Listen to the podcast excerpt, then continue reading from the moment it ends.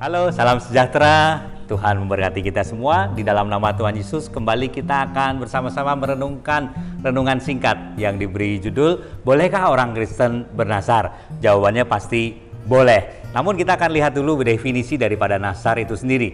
Kalau di Kamus Besar Bahasa Indonesia, nasar adalah janji pada diri sendiri dan hendak berbuat sesuatu jika maksudnya tercapai. Jadi janji dan jika terjadi akan berbuat sesuatu. Tapi kalau di Kamus Alkitab, nasar ini adalah janji yang sungguh-sungguh kepada Allah.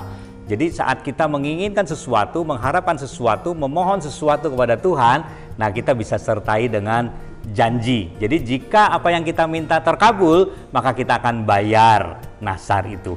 Tetapi saudara-saudari yang dikasih Tuhan, perlu kita ingat ya, saat kita bernasar, orang dunia berkata nasar itu adalah untuk mempertajam doa supaya doanya lebih didengar Tuhan.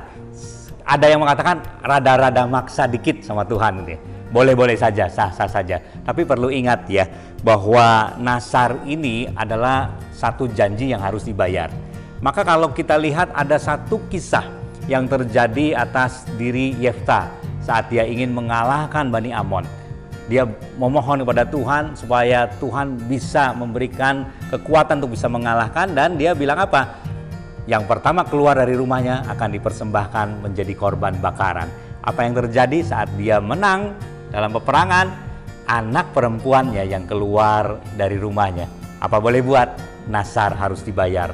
Maka anaknya harus menjadi korban bakaran bagi Tuhan. Meskipun ada yang menafsirkan anak daripada Yefta ini tidak benar-benar jadi korban bakaran.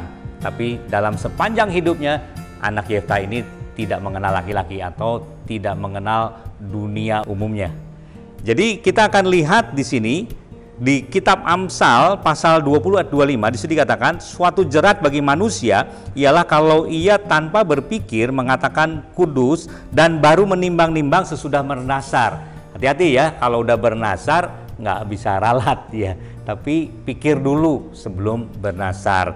Maka kalau kita baca di dalam kitab Pengkhotbah pasal 5 ayat 4 sampai 5 di situ dikatakan demikian kalau engkau bernasar kepada Allah, janganlah menunda-nunda menempatinya. Karena ia tidak senang kepada orang-orang bodoh, tepatilah nasarmu. Lebih baik engkau tidak bernasar daripada bernasar tetapi tidak menepatinya. Maka jelas ya, kalau kita sekiranya menimbang-nimbang terlebih dahulu dan tidak mampu membayarnya, lebih baik jangan bernasar. Tapi kalau kita mampu dan bisa membayar nasar itu, lakukanlah nasar itu. Tapi ingat, Tuhan adalah Tuhan yang baik. Doa-doa kita tanpa nasar pun Tuhan dengar dan Tuhan bisa menjawab setiap permohonan kita. Tuhan memberkati kita semua.